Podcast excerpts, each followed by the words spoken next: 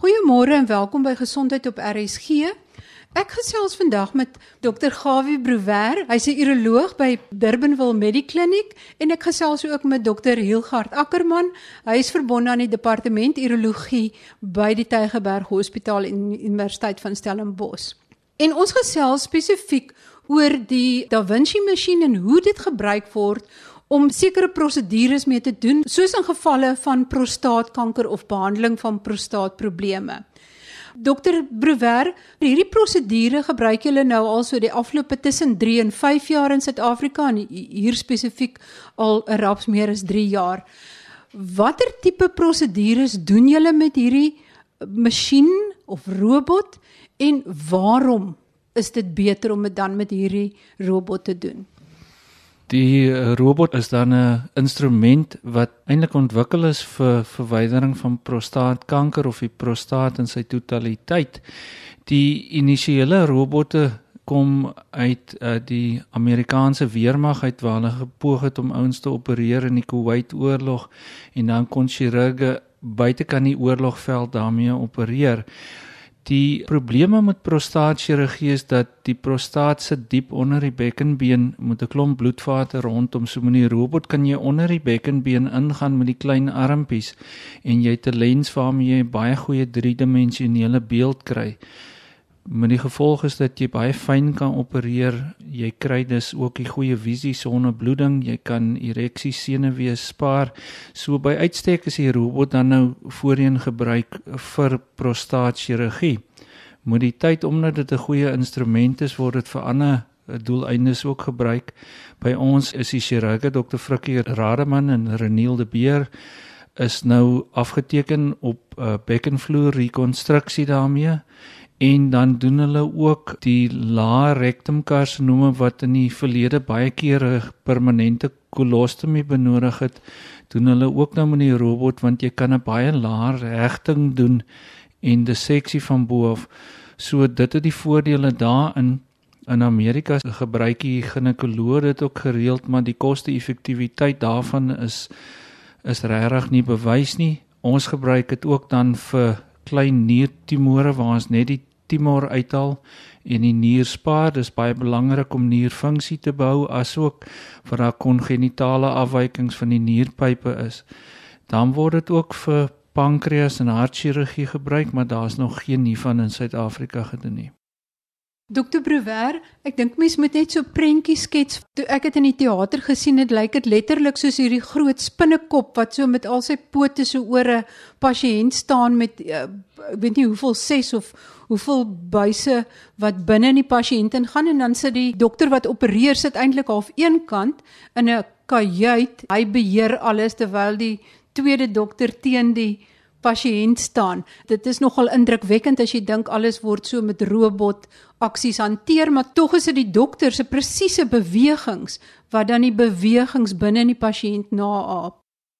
Ja, die robot bestaan uit 3 dele en um, 'n um, mens moet verstaan dis net 'n instrument. Um, ek kan nie gaan sit en koffie drink terwyl die robot die operasie doen of rekening vir die pasiënt stuur en uh, ek het niks gedoen nie. So die hele robot word beheer deur die chirurg.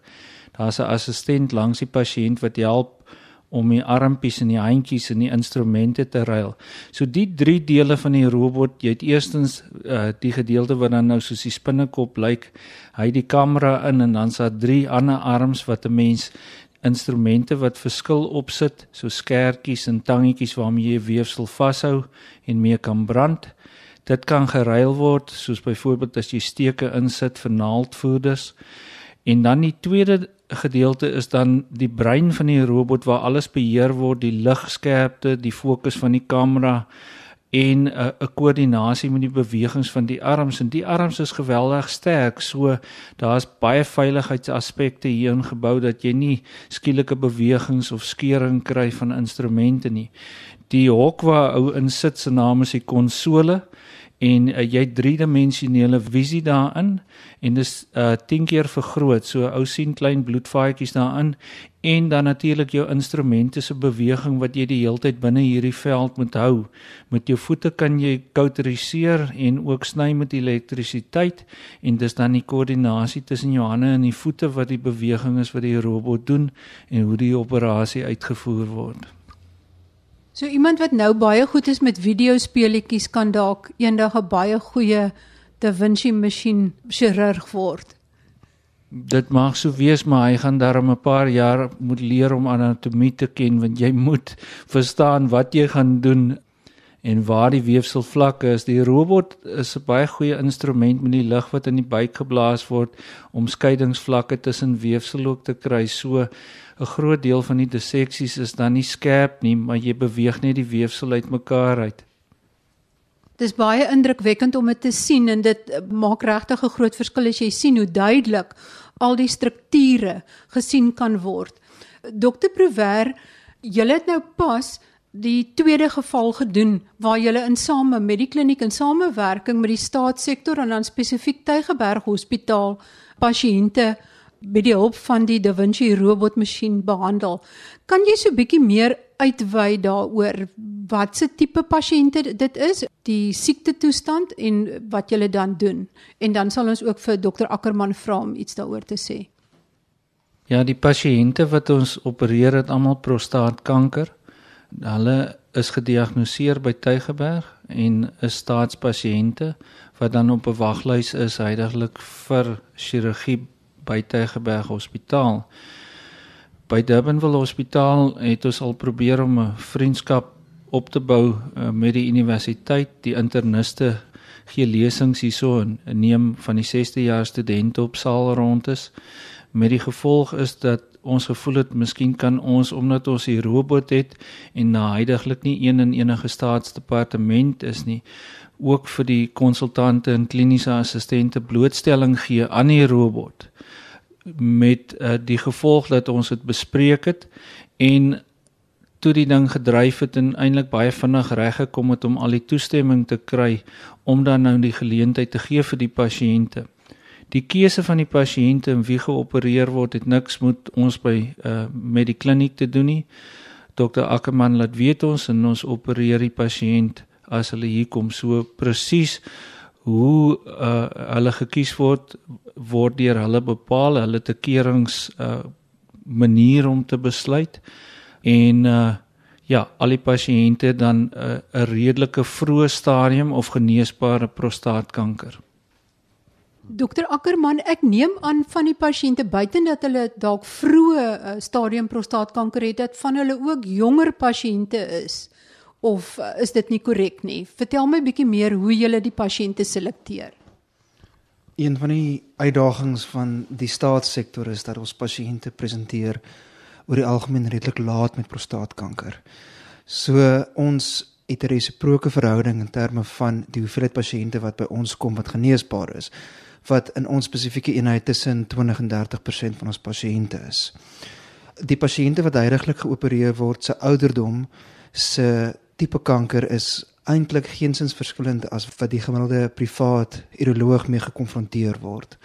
Die manier hoe ons geselekteer het hoe hulle gedoen word is ons het 11 pasiënte wat ongelukkig na 'n jaar oorgebly het op ons waglys. Die gemiddelde wagtydperk by ons was tussen 5 en 6 maande vir hulle genesene chirurgie waar in die staatssektor na prostaatbiopsie word die chirurgie enige tyd van 2 maande en 3 maande na die biopsie gedoen dan ehm um, het ons besluit ons sal op die tyd vir die pasiënt wag vir sy chirurgie, maar meer belangrik op grond van die kanker se spesifieke aggressiwiteit wat 'n mens kan meet deur na die gradering en die stadiering van die kanker te kyk. En op grond daarvan was daar 10 pasiënte gewees wat aftoevallig ineengestem het met die ongelooflike voorreg wat gegee was deur Dr. Harvey Brewer en spesifiek met die kliniek wat vir ons aangebied het om hierdie 10 pasiënte binne 'n tydpunt van 6 weke te opereer op ons lyste. Wat is die pasiënte se reaksie hierop? Ek bedoel dit is nou in plaas van 'n snit wat jy maak om te opereer is daar 'n nou klomp gaatjies in sy buik. Ek neem aan die herstelproses is vinniger. Wat is hulle reaksie daarop? om 10 pasiënte te hê wat alreeds vir 6 maande wag vir sy genesende kanker chirurgie is betekenisvol op die siege vir enige pasiënt wat duidelik teenwoordig was in hoeveel kere wat ons navraag gekry het vir teaterdatums want almal is redelik bewus daarvan dat in die staatssektor daar 'n ongelooflike uitdaging is vir elektiewe teatertyd wat beteken die tyd wanneer enige pasiënt in 'n algemene teater in 'n staatshospitaal inkom. Maar die reaksie op hulle siege was 'n ongelooflike opgewondenheid en ook 'n uh, ongelooflike sowel onsekerheid ook dalk want dit is iets wat moontlik vir 'n enige pasiënt nogal redelik kan kommerwekkend aanvanklik wees om te dink hy word net deur 'n robot geopereer in plaas van 'n van 'n mens wat die aanvanklike indruk was wat hierdie pasiënt geskep is. So ons het by ons kant tyd geneem en met die pasiënt gesit en 'n video vir hulle gespeel en vir hulle stap vir stap gewys deur die geval om te verduidelik wat hulle kan verwag want aangesien hulle in teater inkom, dit kan 'n baie intimiderende omgewing wees. Ehm um, maar ehm um, die groot effek van hulle was 'n ongelooflike opgewondenheid en 'n baie dankbaarheid vir ons aan Tuigberg se kant wat so in die ongelooflike geluk was dat die private sektor na ons toe gekom het met hierdie inisiatief. Die belangrike ding is net dat baie van die pasiënte in die staat as gevolg van die desperaatheid om nie in 'n teater te kom nie, gaan ongelooflik baie privaat kostes aan om baie keer hierdie droom 'n werklikheid te maak op 'n kontantbasis. Op grond van ons eerste pasiënt was in die proses gewees om byvoorbeeld persoonlike bates af te verkoop om net bloot algemene chirurgie in die privaat praktyk te ondergaan. So hy was baie opgewonde en baie dankbaar daarvoor. Dokter Prouwer, as jy 'n prostaat operasie doen op iemand wat prostaatkanker het en die ideaal is dat dit vroeë prostaatkanker is. In hoeveel gevalle sien julle wel vroeë prostaatkanker en is jy bekommerd daaroor dat julle miskien te veel laat gevalle sien? Ek dink wêreldwyd is daar 'n kontroversie want prostaatkanker Daar's amper twee vorms van prostaatkanker. Jy kry 'n aggressiewe vorm wat vinniger mense siek maak en benadeel en dan kry jy 'n meer langdurige laaggraadse kanker wat baie mense ontwikkel soos wat hulle ouer raak daar's 'n bloedtoets spesifiek wat jy kan toets vir prostaatkanker en die probleem daarmee is dat dit kan baie van die ouens wat hierdie nie aggressiewe kanker ook optel met die gevolg daar's 'n gevaar van oorbehandeling. Net soos jy nie die toetse doen nie, dan is daar ook duidelike bewyse alreeds dat jy mis baie van die ouens met die aggressiewe kanker So jy's tussen die devil en the big blue sea as jy nie uh, toets nie en dan moet 'n ou ook oppas vir te veel ouens te aggressief behandel.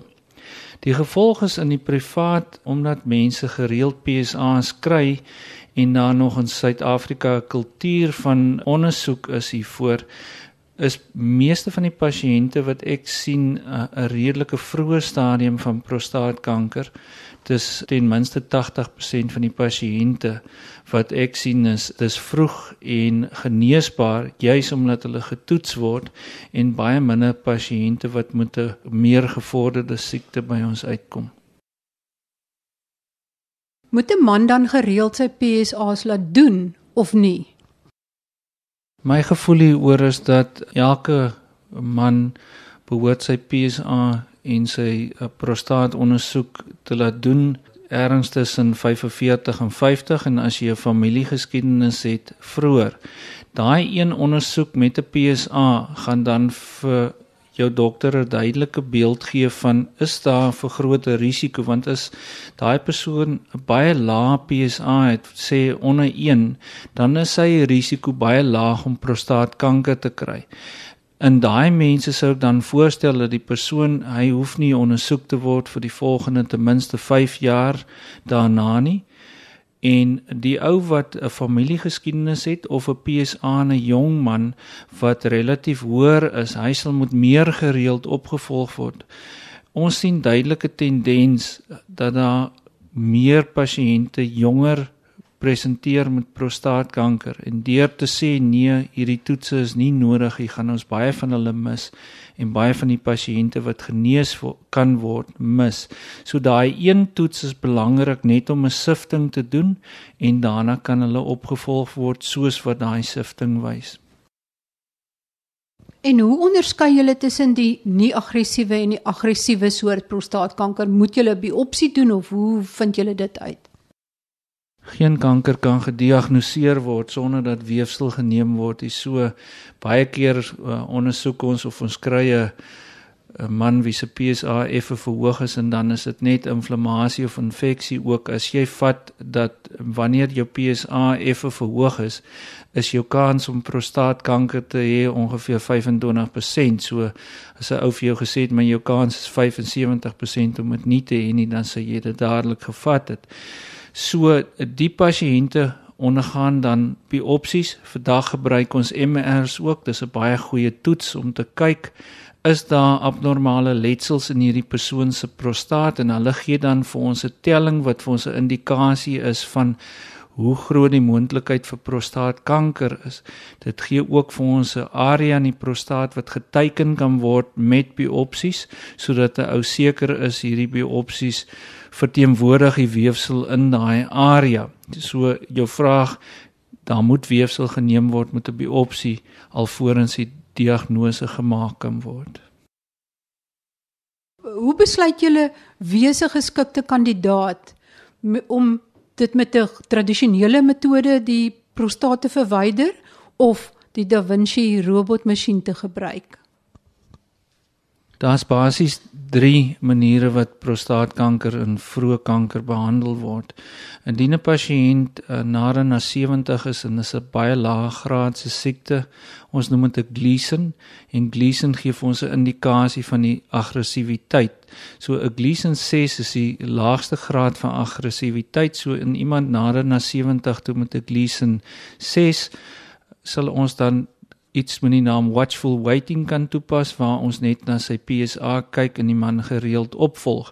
Jy kan dan nou voortgaan met biopsies op 'n latere stadium om te kyk of daar 'n verandering in aggressiwiteit is. Hierdie is baie gereeld word dit gebruik in die Skandinawiese lande en wat belangrik is daar dat die pasiënte moet gereeld kan opgevolg word. Die ander metodes van behandeling is bestraling. Jy kry bestraling van buite of eksterne bestraling of brachyterapie en dan nou chirurgie.